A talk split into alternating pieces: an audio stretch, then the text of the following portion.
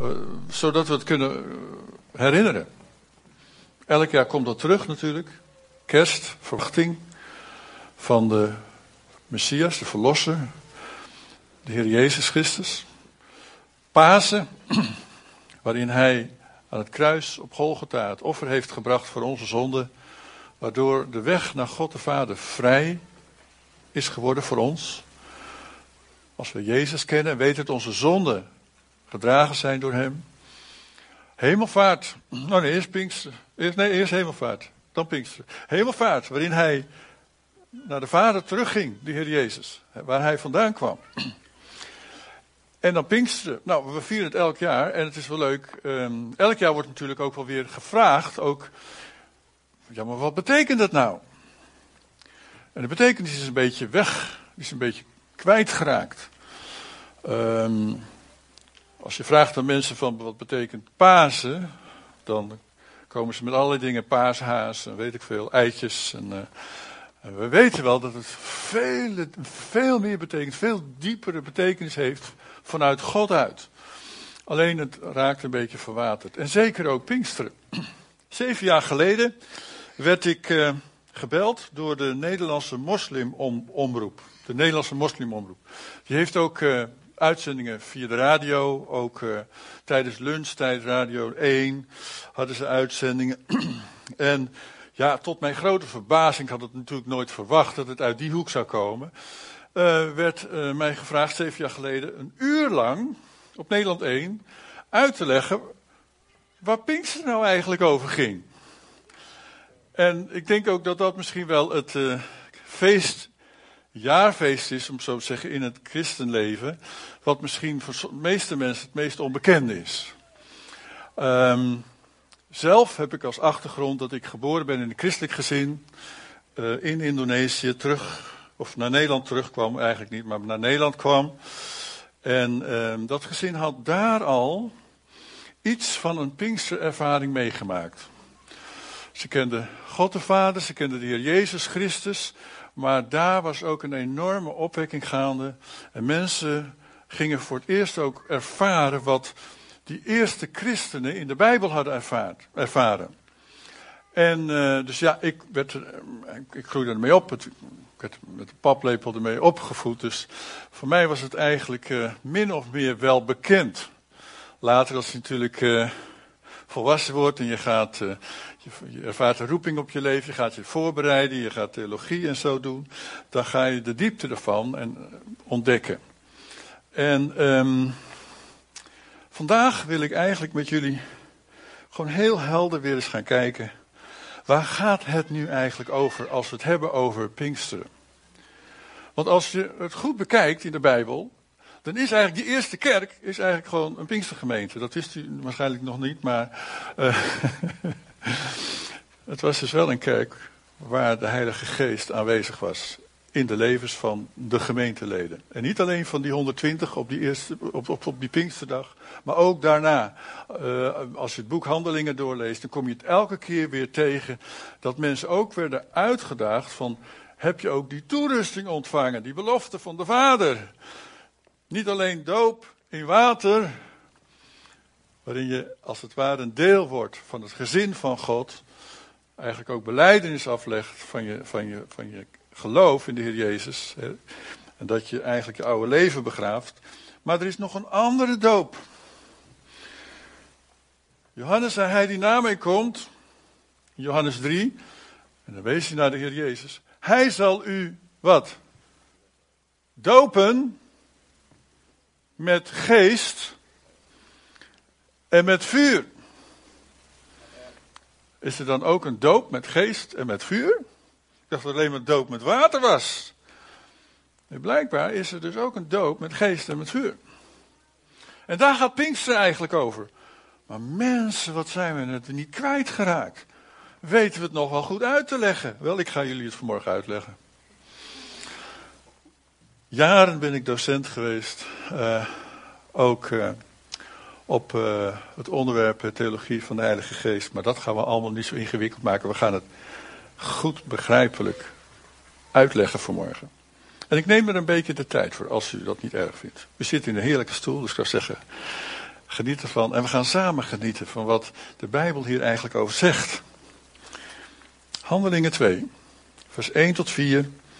En dan vers 37 tot 40. Ik hoop dat ik de goede vertaling heb, maar ik denk het wel.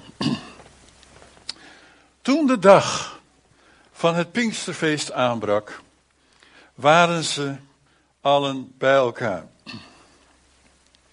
Plotseling klonk er uit de hemel een geluid als van een hevige windvlaag, dat het huis waar ze zich bevonden, dat waren dus die 120, um, ehm, geheel vervulde. Dus er was iets wat aanwezig was, Gods aanwezigheid.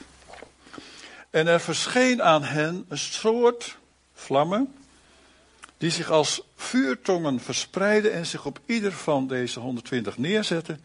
En allen werden vervuld van de Heilige Geest en begonnen op luide toon te spreken in vreemde talen, zoals het door de Geest werd ingegeven. Dus niet in hun eigen moedertoon, maar in talen die zij niet van huis uit kenden. Vers 37. Toen ze dit hoorden, waren ze diep getroffen, de, de omstanders daar, die dat allemaal zagen gebeuren. En die omstanders, die vroegen aan Petrus en de andere apostelen, wat, wat betekent dit? Wat moeten wij, wat, wat moeten we doen, broeders? En Petrus, die antwoordde aan die omstanders, keer u af van uw huidige leven en eigenlijk wordt hier dus ook weer het woord bekering gebruikt, wat niets anders betekent dan metanoi. Metanoi, wat niets anders betekent dan je omkeren. Keer je om van je eigen weg, mijn weg, mijn plannen, mijn leven zonder God. Keer je daarvan om, keer je naar God toe. Dat is bekering. Keer je om. Keer je af van je huidige leven Laat u dopen. Niet van je moet gedoopt worden. Nee, vraag of je gedoopt kan worden. Laat je dopen. Onder aanroeping van Jezus Christus. Dus op grond van je beleidenis, van je geloof. Om vergeving te krijgen van je zonden. Dan zal de Heilige Geest u geschonken worden. Want voor u geldt deze belofte. Evenals voor uw kinderen en voor allen die ver weg zijn en die de Heer onze God tot zich zal roepen. Ook op andere wijze legde hij getuigenis af waarbij hij een dringende beroep op zijn toehoorders deed met de woorden laat u redden uit dit verdorven mensengeslacht. Nou, voor God ben je, is ieder mens heel bijzonder. Amen. Ieder mens is heel bijzonder voor God.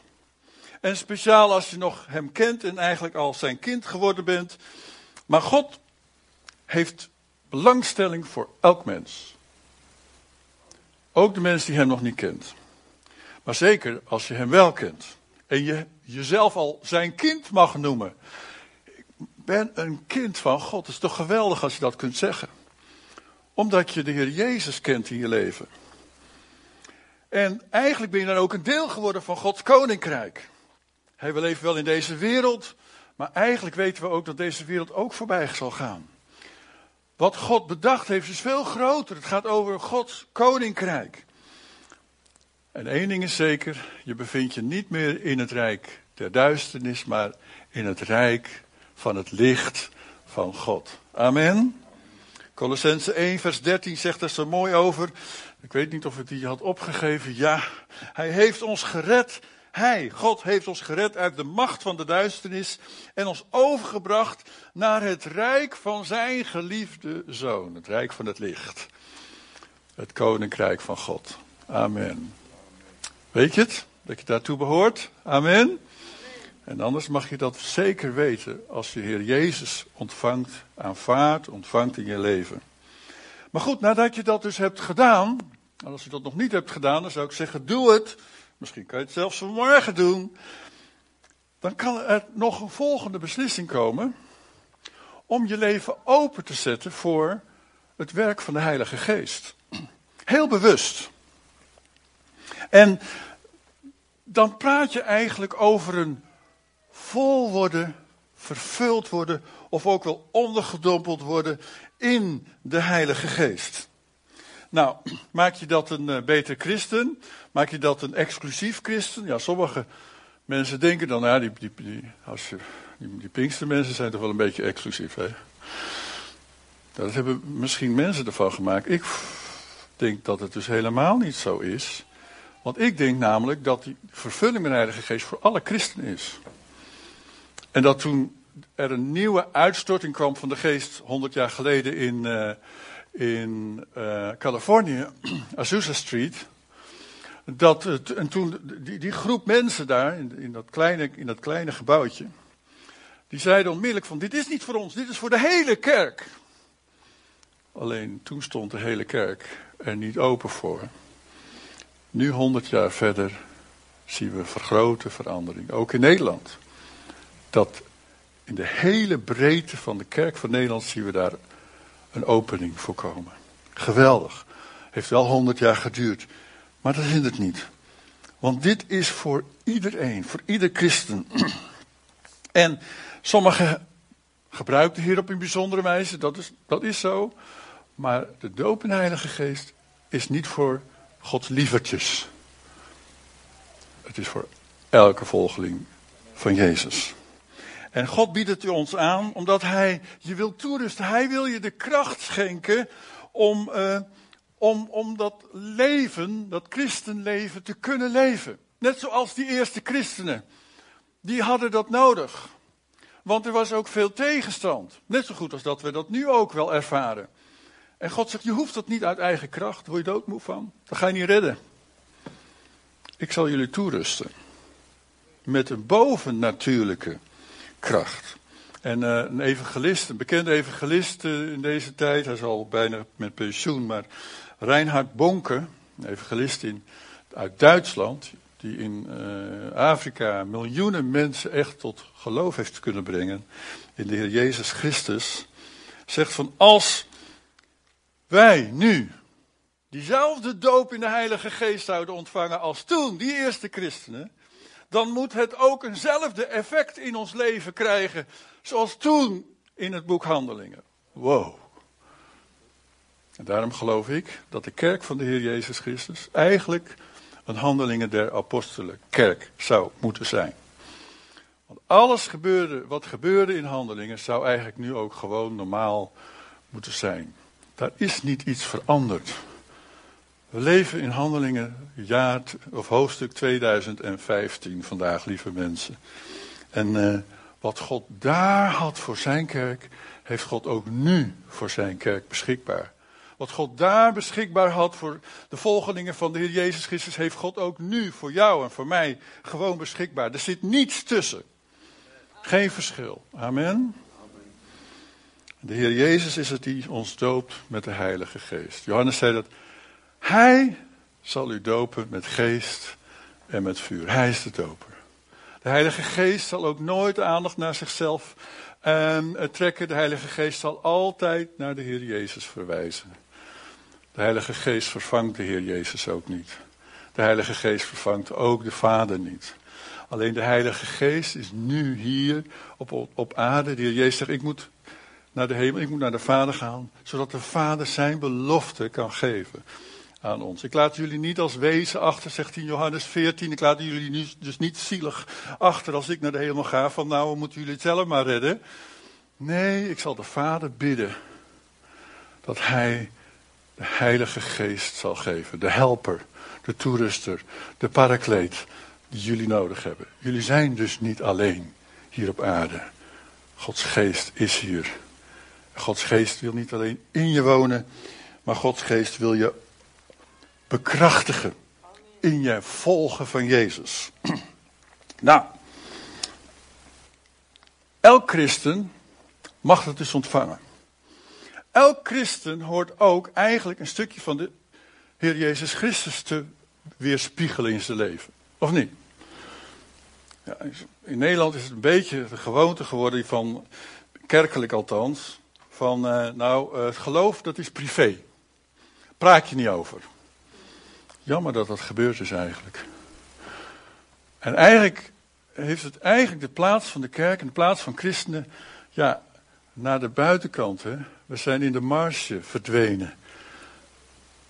Er was ook een tijd dat we, hè, de kerk, dat christenen verlegen moesten zijn over hun eigen geloof. Ik geloof dat die tijd voorbij is, lieve mensen. Dat we mogen zeggen wie we zijn, volgelingen van Jezus.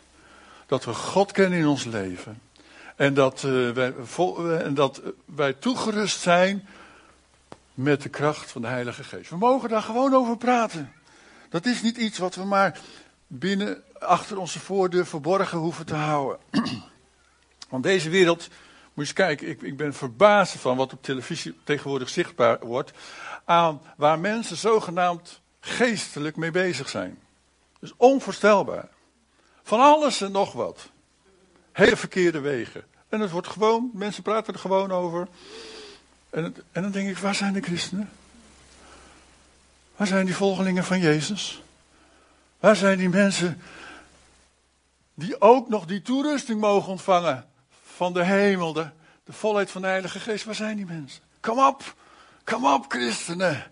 We mogen er zijn. Amen. En we mogen ook rustig getuigen zijn. Dat betekent niet dat we iemand hoeven te overtuigen, dat heb ik al eerder hier gezegd. De Heer Jezus heeft dat nooit gezegd. Hij zegt, wees maar mijn getuige van wat je gezien en wat je gehoord hebt. Vertel maar wie ik voor jou ben. Dat kan niemand van je afpakken, weet je dat?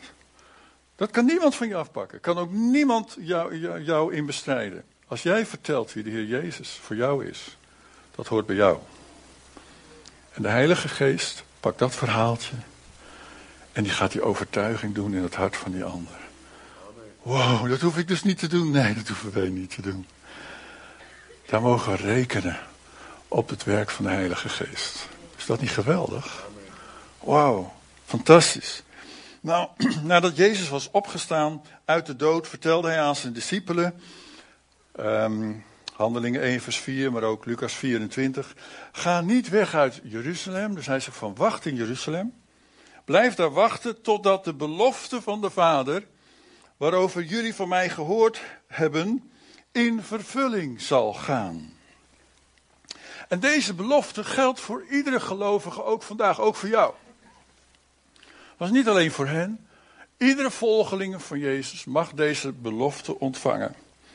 Nou, misschien heb je een andere opvatting over, daarover. Misschien heb je andere woorden ervoor. De een noemt het vervulling, de ander noemt het doop in de Heilige Geest. Ik denk niet eens dat dat zo heel erg interessant is voor morgen. Wat interessant is voor morgen, is dat je het mag ontvangen. Dat je een kandidaat bent voor die toerusting van, van de hemel. Omdat je Jezus kent in je leven. En iedereen mag daarom die doop in de Heilige Geest, of vervulling met de Heilige Geest, of volheid van de Geest ontvangen. Ook voor morgen. Ik weet goed dat, uh, ik kwam dus uh, uit een Pinkstergezin, uit Indonesië. Kwamen hier, kwamen in Alkmaar wonen. Nou, moeilijk om een kerk te vinden die open stond voor, ja, een beetje wonderlijke mensen. Maar uh, op dit moment is de volste kerk, de grootste kerk in Alkmaar, de Pinkstergemeente Alkmaar, heet nu City Light, begonnen in onze huiskamer. We wouden dat alle andere kerken ook zo vol zouden zijn. Uh, maakt het nou ons uh, exclusief of zo, beter? Nee, we voelen ons niks beter. We zijn juist afhankelijker geworden van die toerusting van God. Ik vind het helemaal niet erg om als grote kerel en oude kerel te beleiden dat ik afhankelijk ben van God.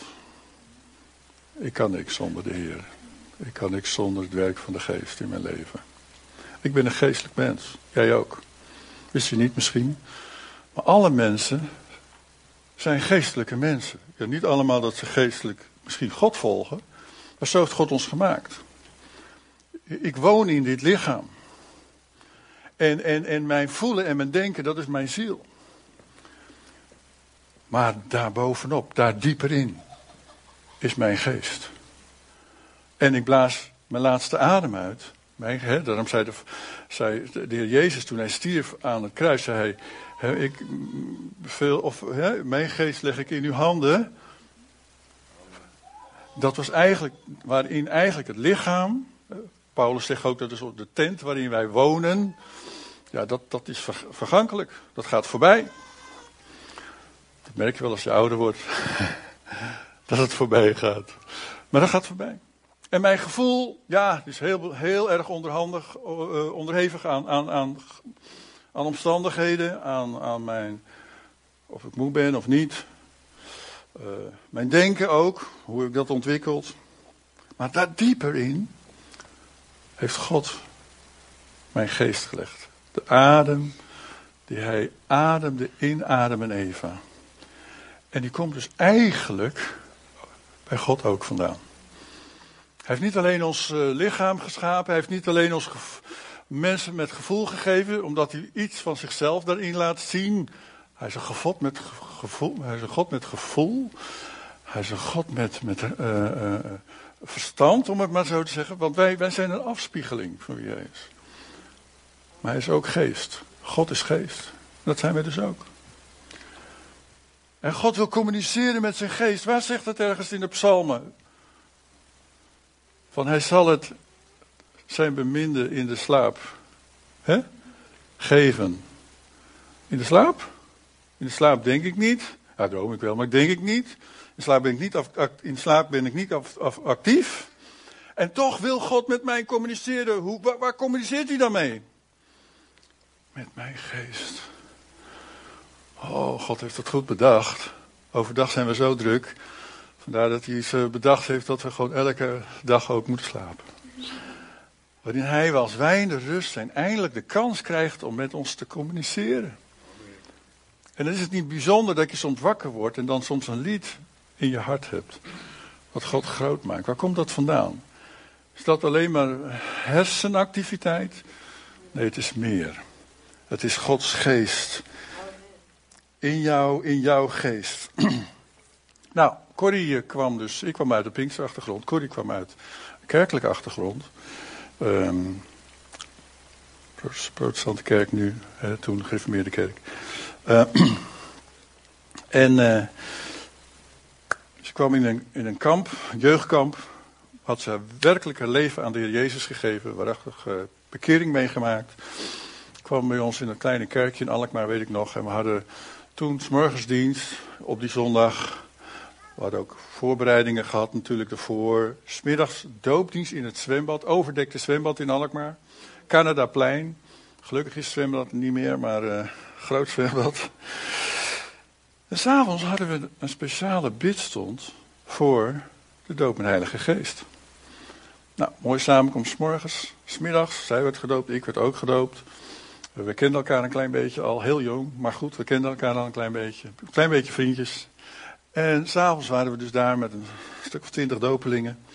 En uh, waren we echt op onze knieën aan het bidden voor het ontvangen van die doop de Heilige Geest. Nou, ik zou er alles vanaf moeten weten, want ik kom uit zo'n gezin, zo'n zo gezin. Zij wisten eigenlijk wel wat, maar niet veel van. En ik weet nog wat die voorgangers, die kwamen bidden zo, die gingen zo het rondje door. En ik weet nog dat ze bij Corrie kwamen, ik was rechts van Corrie, dus en ze begonnen nog niet met haar te bidden. Of ik hoorde een klanktaal uit Corrie komen. Waarvan ik dacht van?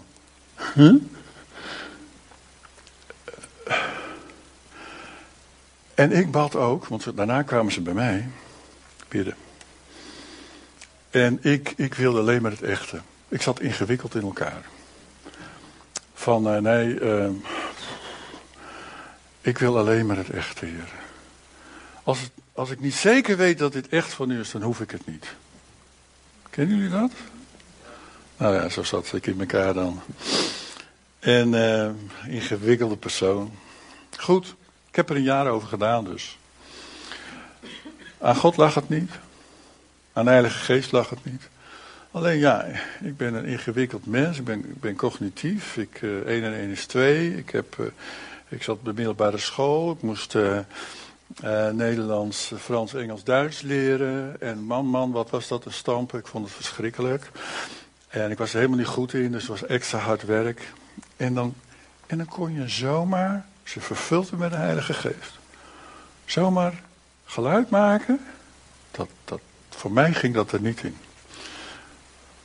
En, uh, maar ik wilde het wel. Ik verlangde het zo erg, want ik, ik las er in de Bijbel over. En ik wist dat de Heilige Geest vanuit mijn geest wilde communiceren met de hemel. Even niet beperkt door mijn taaltje, niet beperkt door het, de beperking van het Nederlands, maar rechtstreeks met de hemel. Wow. Ik heb er een jaar over gedaan voordat ik die geloofstap kon maken. En ook mezelf, de blokkades in mezelf kon loslaten.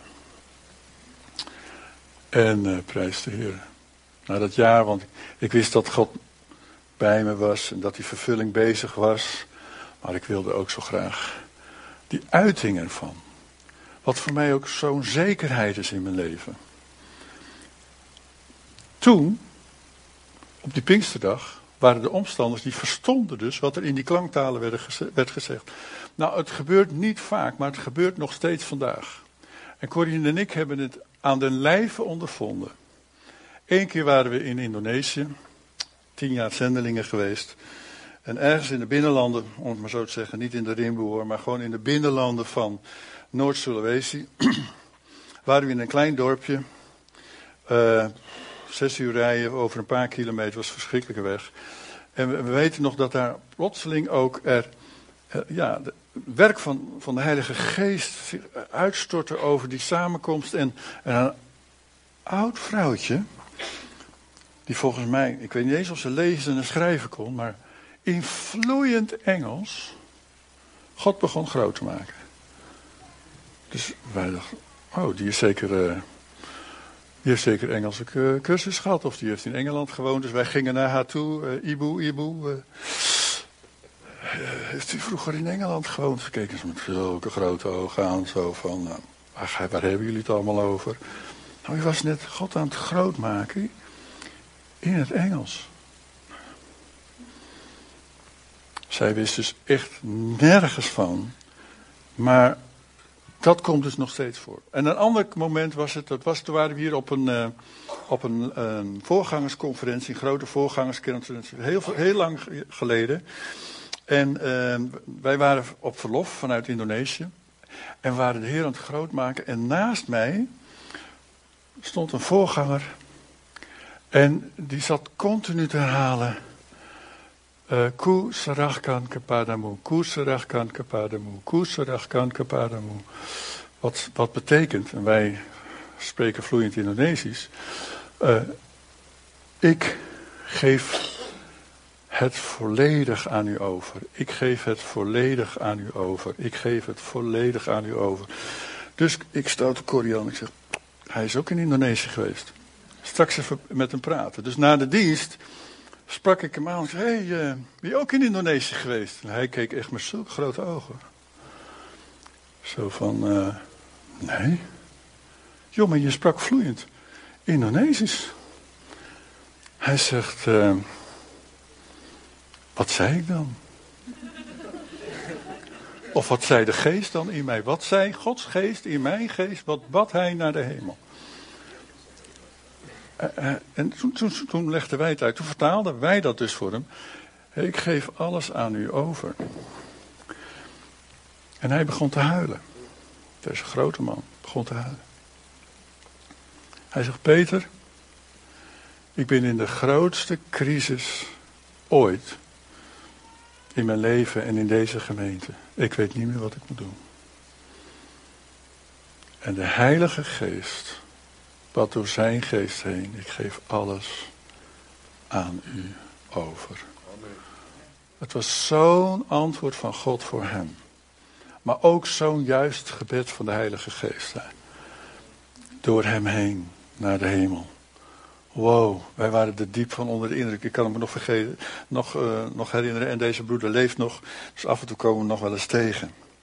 Nou, en iedereen heeft zo zijn eigen ervaring als het gaat om het ontvangen um, van de doop in de Heilige Geest. Zijn hier mensen die uh, daar iets, heel kort iets van zouden kunnen zeggen? Toen jij werd gedoopt in de Heilige Geest, hoe, hoe ging dat? Heel kort.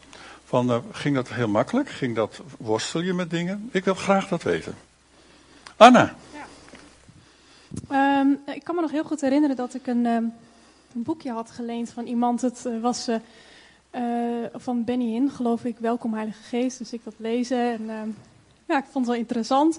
En allemaal fantastische dingen die daar gebeuren. En ik weet nog wel, ik lag in mijn bed.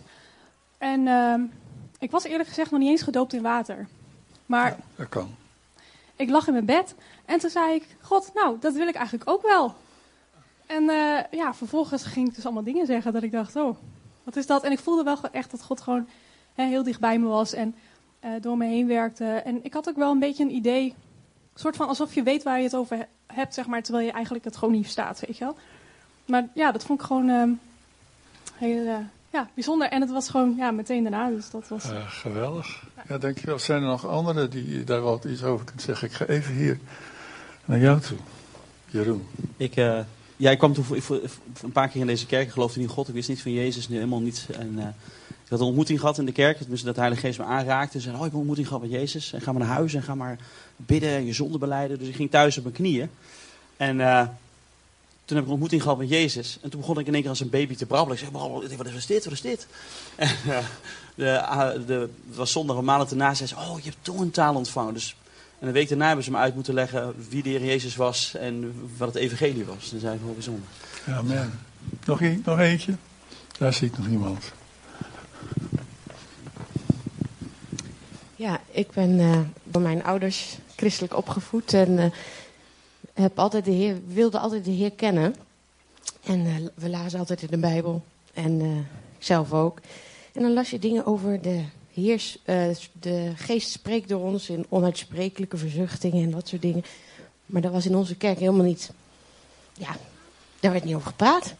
Dat was van vroeger, van toen, toen de apostelen nog leefden. En daarna was dat afgelopen.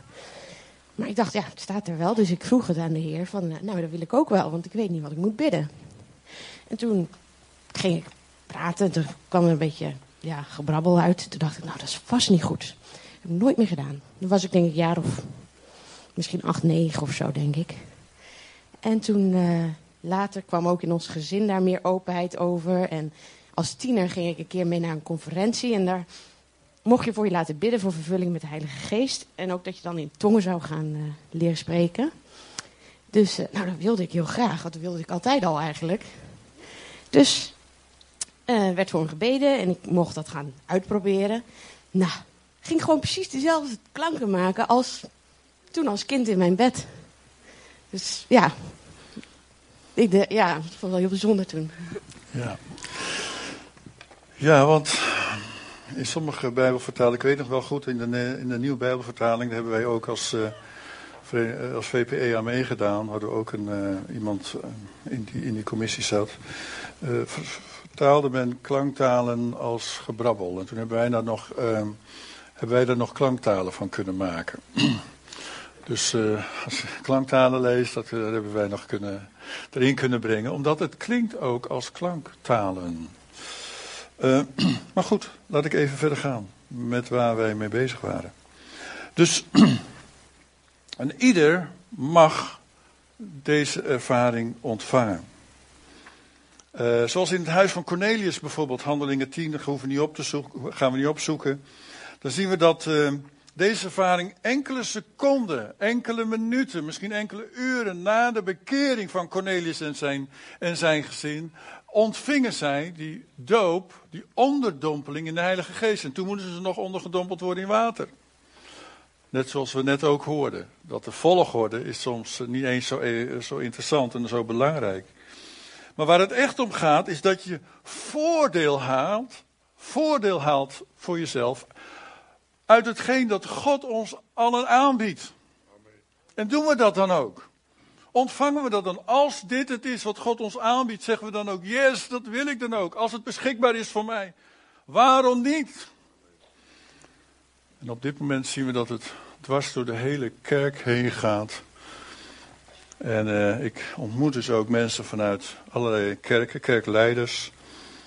En uh, een van uh, de kerkleiders van een grote kerk, nou ja, protestante kerk, Nederland, die sprak met mij zegt: Peter, Onze kerk gaat verpinksteren. En toen schrok ik, want ik dacht, wat zeg je nou allemaal joh? Ik, ik snapte de, nou ja, ik kom uit die achtergrond. Ik weet onze zwakte en ik weet onze kracht. Maar het, maar het was het verlangen om ook wat God aanbiedt aan zijn kerk en aan de gelovigen, om dat ook te ontvangen en het niet meer te laten liggen. En toen dacht ik, wow, als dat gaat gebeuren in Nederland, dan zullen wij een vernieuwd christen zijn tegen gaan komen in de komende 10, 20 jaar. En wat een hoop voor ons land als dat gaat gebeuren. Wij hebben vandaag aan de dag net zo goed die toerusting van de Heilige Geest nodig als toen uh, die eerste discipelen. Het is vandaag net zo lastig en zo moeilijk om voor de Heer te staan. En, en ik bedoel, in deze wereld om ons heen. Die zich eigenlijk afkeert van het christen zijn, van het christelijk geloof van, de, van, van God. En we staan vaak nu meer alleen dan ooit. nou, Petrus zei tot de duizenden toeschouwers op die Pinksterdag, toen 2000 jaar geleden. Want voor u geldt deze belofte. Die is niet alleen voor ons 120, het is voor jullie allemaal. Evenals voor uw kinderen en voor allen die ver weg zijn en die de Heer onze God tot zich zal roepen. Laten we even over deze woorden nadenken. Deze belofte geldt voor jou, voor u. Hij sprak hier tegen mensen die nog niet zo lang daarvoor de Heer Jezus hadden laten sterven aan het kruis op Golgotha. Deze Jezus, ergens anders zegt hij dat, deze Jezus die overeenkomstig Gods bedoeling en voorkennis is uitgeleverd, hebt u door heidenen laten kruisigen en doden. En daar hadden zij deel aan. Hadden ze wel recht om zo iets moois van God te ontvangen? Wie denkt er wel eens van, mijn leven klopt niet en daarom heb ik nog niet de dopende Heilige Geest ontvangen? Oh jij je handje opsteken? Nou, jouw leven klopt wel hoor. Maar wie heeft die twijfel wel eens? Van ben ik wel goed genoeg om die vervulling met de Heilige Geest te ontvangen? Zij hadden nog niet zo lang geleden Jezus aan het kruis laten nagelen. En toch waren zij kandidaat voor die toerusting, die vervulling met de Heilige Geest. Is dat niet geweldig? Maar hij zegt, je bekeer je wel. Bekeer je van je eigen weg. Ga Gods weg. Vraag vergeving van je zonde.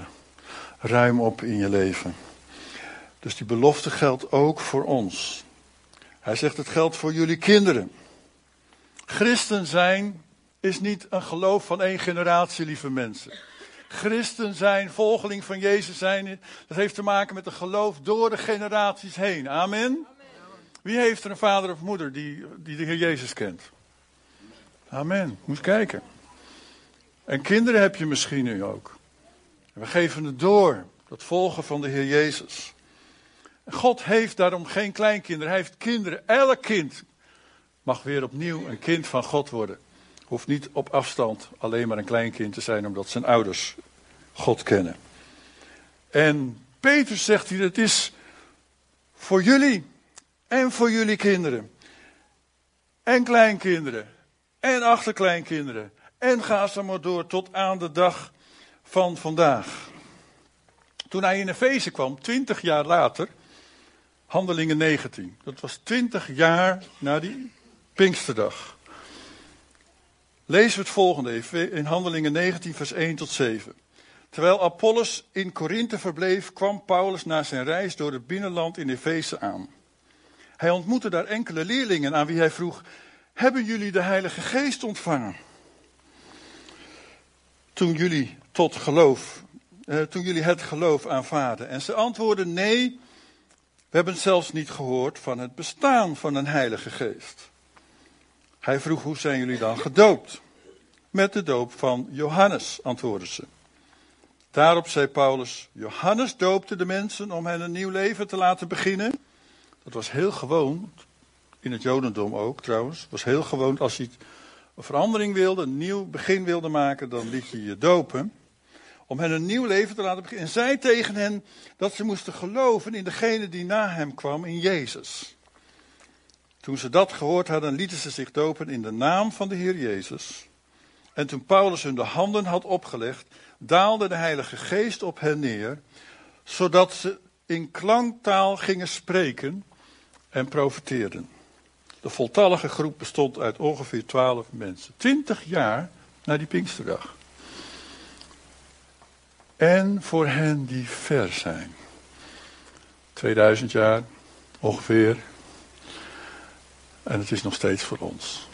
Amen. Er is geen verschil. Er zit niets tussen.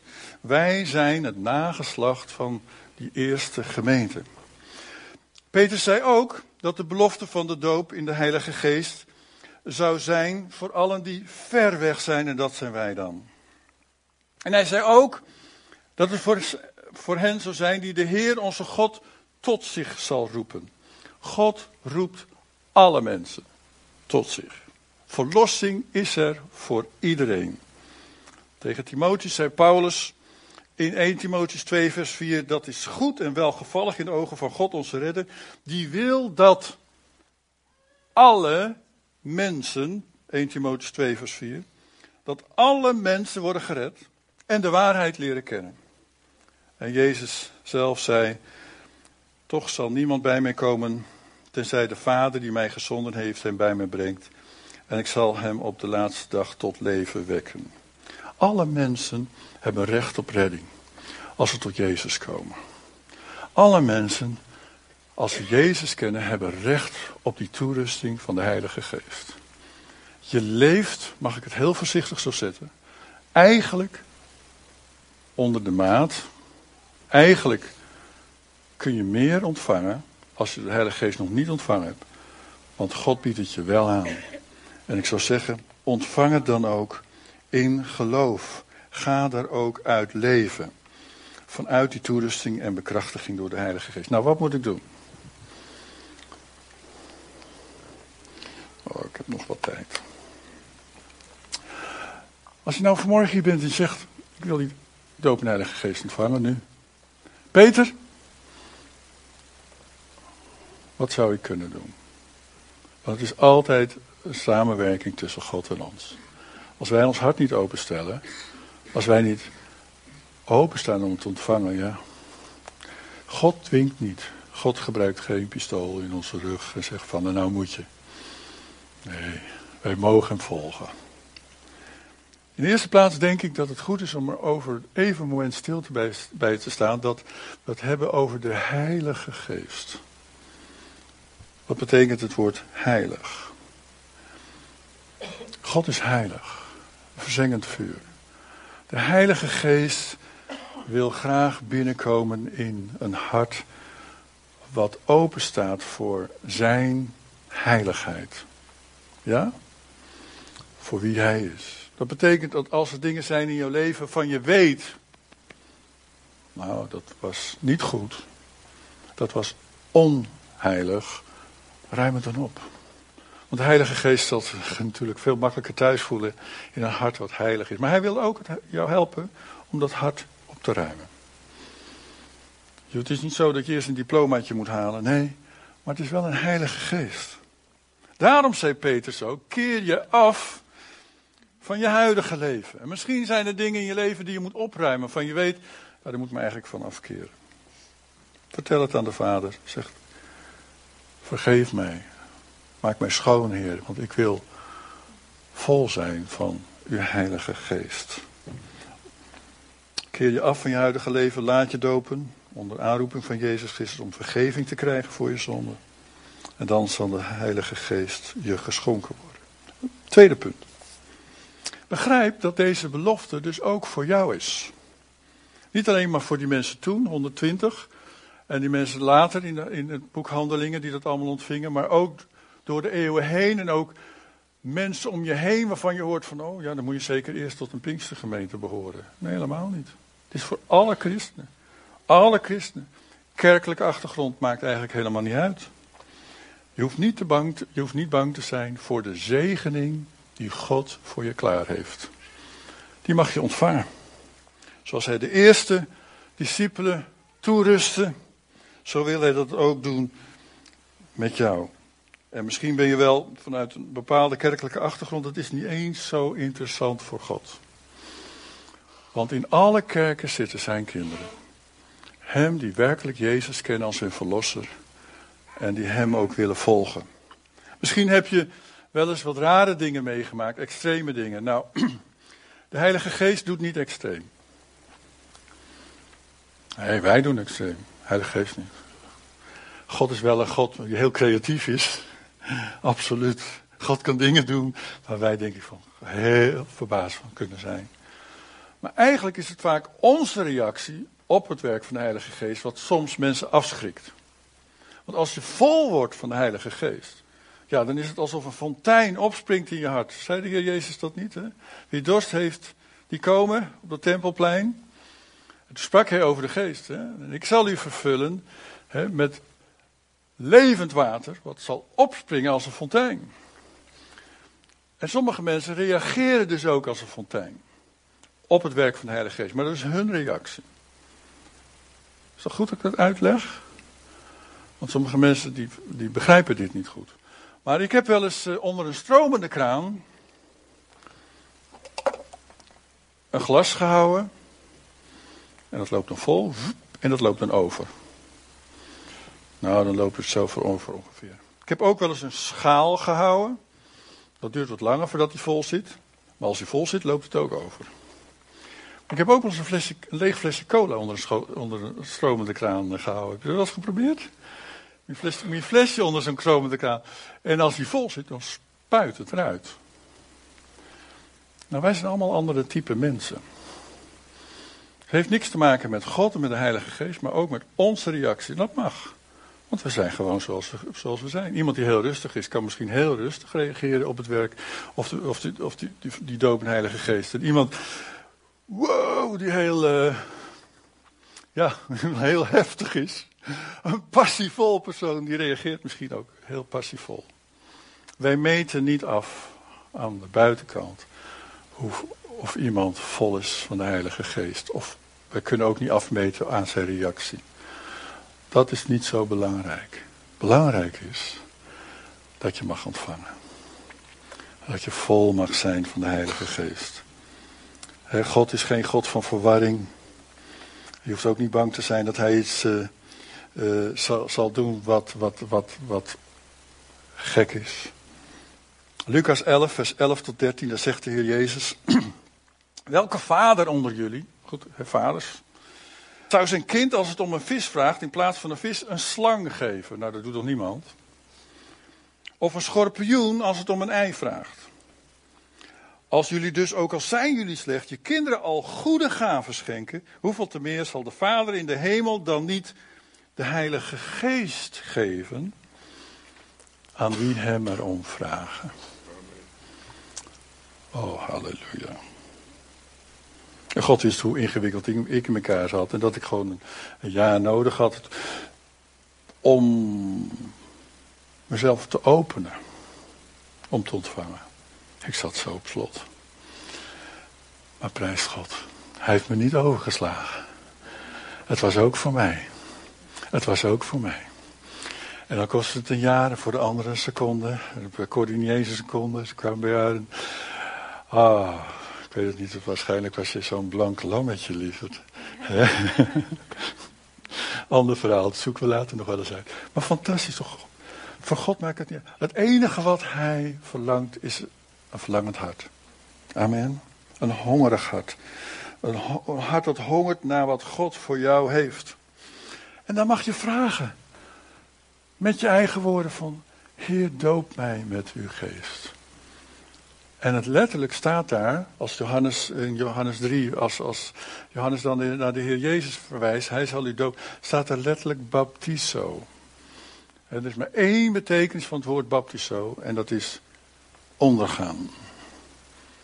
Onder water. Dat zien we met onze waterdoop, hè, waarin je je geloof beleidt. Maar eigenlijk ook als je vervuld wordt met de Heilige Geest, dan stroomt het, dan stroom je over. Alsof je geestelijk hè, ondergedompeld wordt in de aanwezigheid en kracht van God. En uh, sommige mensen ontvangen het vlak na hun bekering. Sommige mensen die hebben er tientallen jaren, zijn er onbekend mee geweest en horen de boodschap. Zet hun hart open en ontvangen het. Sommige mensen worstelen er een klein beetje mee, zoals ik dat uh, deed. Terwijl ik wel de juiste achtergrond had, om maar zo te zeggen. Maar er zaten wat blokkades in mezelf. En uh, God had, er, had geduld met mij. Maar het is voor iedereen. Verlangen naar. Verlangen naar. En dan ontvang het met geloof. Ontvang het met geloof. Want uh, als hetgene wat bewijsbaar zeker is, ik hoorde dat vanmorgen nog iemand zeggen, daar heb je geen geloof voor nodig. Ontvangen met geloof is als wandelen op het water. Dat kan dus eigenlijk niet. Maar God is machtig. En eh, wij, Corrie en ik, hebben nu negen kleinkinderen. En Corrie heeft net drie weken achter de rug van drie kleinkinderen, drie weken lang uh, thuis uh, oppassen. Man, daarom was ze ook niet elke zondag hier, want dat trok ze niet. Kleintjes. En het kleintje, ik weet nog wel dat hij pas geboren was, de kleinste, Manuel. Geweldig. Oh, als Manuel op mijn schoot zit, dat is nu negen maanden, zijn tankjes komen erdoor. En hij, we hebben de grootste tijd met elkaar samen, opa en Manuel. Hij, hij spreekt nog helemaal geen Nederlands hoor. Maar we verstaan elkaar zo goed, joh. Geweldig. we communiceren door glimlach. We communiceren op allerlei manieren met geluidjes. Je moet kijken wat opa's voor geluidjes kunnen maken als het om baby's gaat. Dat is niet te geloven. Het is echt waar. En dat vinden we helemaal normaal. Dat is helemaal niet gek. Hoort er helemaal bij. En eigenlijk, hoe ontvang je nou doop en heilige geest met ook die klanktaal? Door te worden als een baby. Een baby communiceert gewoon met de moeder. Moet je kijken hoe die moeders en vaders en opa's en oma's reageren. Spreekt nog helemaal geen Nederlands, maar maakt wel geluid. Wat gebeurde op die eerste Pinksterdag was dat deze mensen aan het bidden waren. De Heilige Geest kwam, de aanwezigheid van God. En zij spraken, hè, de, de, de, de vorige vertaling zei in nieuwe tongen, de nieuwe Bijbelvertaling zegt klanktalen. Zij begonnen in klanktalen te spreken. Nou, dat zegt mij iets. Ten eerste, de Heilige Geest neemt onze wil niet over. Wij moeten bereid zijn om onze mond open te doen en geluid voor te brengen. Blijf alsjeblieft ademhalen. Maar wij moeten gewoon bereid zijn om geluid voor te brengen. Maar dan komt er geluid als een baby. Ongeveer. En dan denk je als verstandig ouder mens, die al taal heeft geleerd, ja, dat ga ik niet doen. Dat dacht ik dus ook, hè. Dat ga ik gewoon, nee, nee, kom. En toch was het de geest in mij, Gods geest in mij, die eigenlijk rechtstreeks met de hemel wilde communiceren. Oh, halleluja. Ik weet wel goed dat de eerste paar woordjes die er toen uitkwamen, dat klonk zoiets als, uh, als, als bananen, bananen. En ik klapte gelijk helemaal dicht. Ik dacht, dat, dat ga ik niet doen. Ben je nou helemaal gek? En de zei, het zal niet gauw meer bananen blijven, jongen. En binnen een paar seconden kwamen klanktalen eruit. Wauw, ik was verbaasd. Ik wist niet dat dat in mij was. Ik wist niet ook niet dat ik dat hoefde te bedenken. Maar dat gewoon Gods geest rechtstreeks met de hemel in contact kwam. Paulus die zegt erover, hij zegt natuurlijk in de gemeente moet er vertolking zijn. Als er een boodschap is met een dan moet er vertolking zijn. Want er zijn mensen die het moeten begrijpen. Maar hij zegt, ik bid meer dan jullie, allen, in de geest. Omdat het me opbouwt. En als er iets is naast het woord, naast geloof, naast de aanwezigheid van God, wat mij opbouwt en, en, en zo krachtig gebeuren is in mijn leven, het werk van de geest, maar ook dat ik God kan grootmaken, elk moment van de dag. In nieuwe tongen, in die klanktalen. Dat is een bovennatuurlijk wonder wat ik constant bij me heb. Ik weet niet voor degenen die dat kennen. Die kunnen zeggen yes, amen. Dat is zo. Geloof dat God het gaat geven. En begin dan God te aanbidden in de taal die Hij in je hart daarvoor geeft. Paulus nogmaals, ik heb hier de tekst 1 Korinthe 14 vers 2. Iemand die in klanktaal spreekt, spreekt niet tot mensen, maar alleen tot God. Niemand kan hem verstaan, want door toedoen van de geest spreekt hij onbegrijpelijke taal. En als ik bid, lieve mensen, ook hier, dan, dan kunnen jullie natuurlijk wel mij volgen. En dan horen jullie dat wel. Is goed. Maar ik bid niet voor jullie. Ik bid ook niet naar jullie. Ik bid naar God. Wat is het nou geweldig dat ik in een taal kan bidden. Wat helemaal niet voor mensen, de oor van mensen bedoeld is. Maar rechtstreeks voor de oren van God. Oh, wie wil dat niet? Ik wil dat. Absoluut. Ik wil dat lijntje met de Heer. En uh, uh, Reinhard Bonker, diezelfde evangelist, die zei: Klanktalen is de enige taal die de duivel niet kan verstaan. De duivel verstaat het alfabet van de Heilige Geest niet. met het verstand weet je misschien niet wat je zegt, maar diep in je geest ervaar je dat, vanuit je dat je vanuit je hart met God communiceert. En hoe vaak schieten wij niet tekort met ons verstand? Ik weet soms niet wat ik moet bidden. Heb jullie er wel eens last van? En gewoon echt, ben helemaal leeg. Ik weet het gewoon even niet. Maar er is altijd die klanktaal in mij, die wil bidden.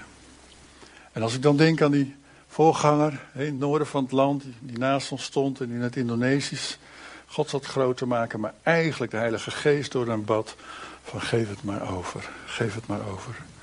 Dan denk ik, wow, dan wil ik eigenlijk altijd wel in de geest bidden. Want er zijn zoveel dingen waar ik gewoon niet van weet hoe ik moet bidden. En, en, en de Heilige Geest weet het wel. Oh, halleluja. En dan mag je ook gaan leren leven door de geest. Want sommige mensen denken van, en ben je er dan? Is dat dan een eindpunt? Nee, het is een beginpunt in je leven. Is niet een eindstation. Vervulling met de doop en heilige geest is niet een eindstation, een diploma wat je mag bereiken. Het is een begin van een leven in de geest. Hoe werken gaven, hoe kun je gaven van de geest uitwerken? Hoe kun je uitingen van de geest uitwerken? Als je hier eigenlijk al niet ontvankelijk voor zou kunnen of willen zijn. Wees ontvankelijk voor de doop de Heilige Geest. We gaan samen bidden.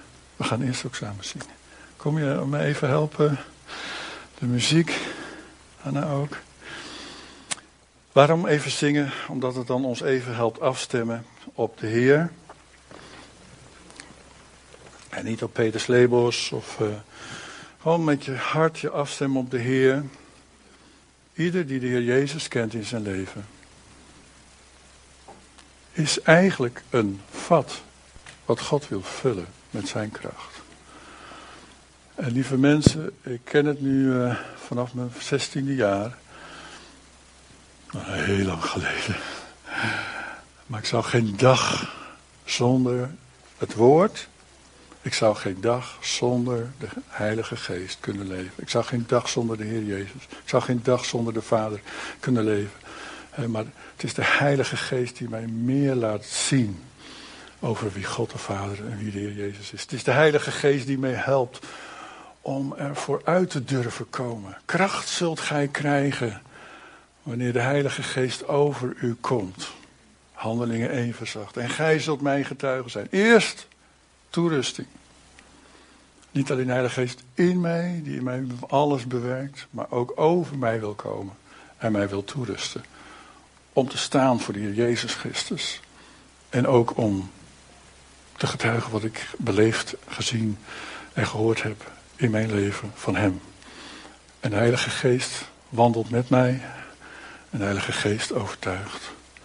Wauw, nou durf ik het wel, getuigen van de Heer, van de Heer Jezus. Want ik ben, ik ben dus niet verantwoordelijk of iemand overtuigd wordt of niet. Nee, daar ben je niet verantwoordelijk voor. Dat zegt God, dat, dat, dat hou ik voor mezelf.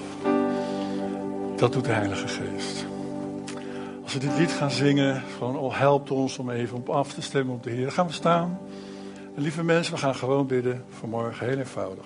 Ik ga geen mensen uitnodigen om naar voren te komen, kunnen we ook wel doen, maar ieder die verlangt om te ontvangen van de Heer, ik zou zeggen, open je hart. Misschien ook je handen, kun je ook gewoon zo even doen.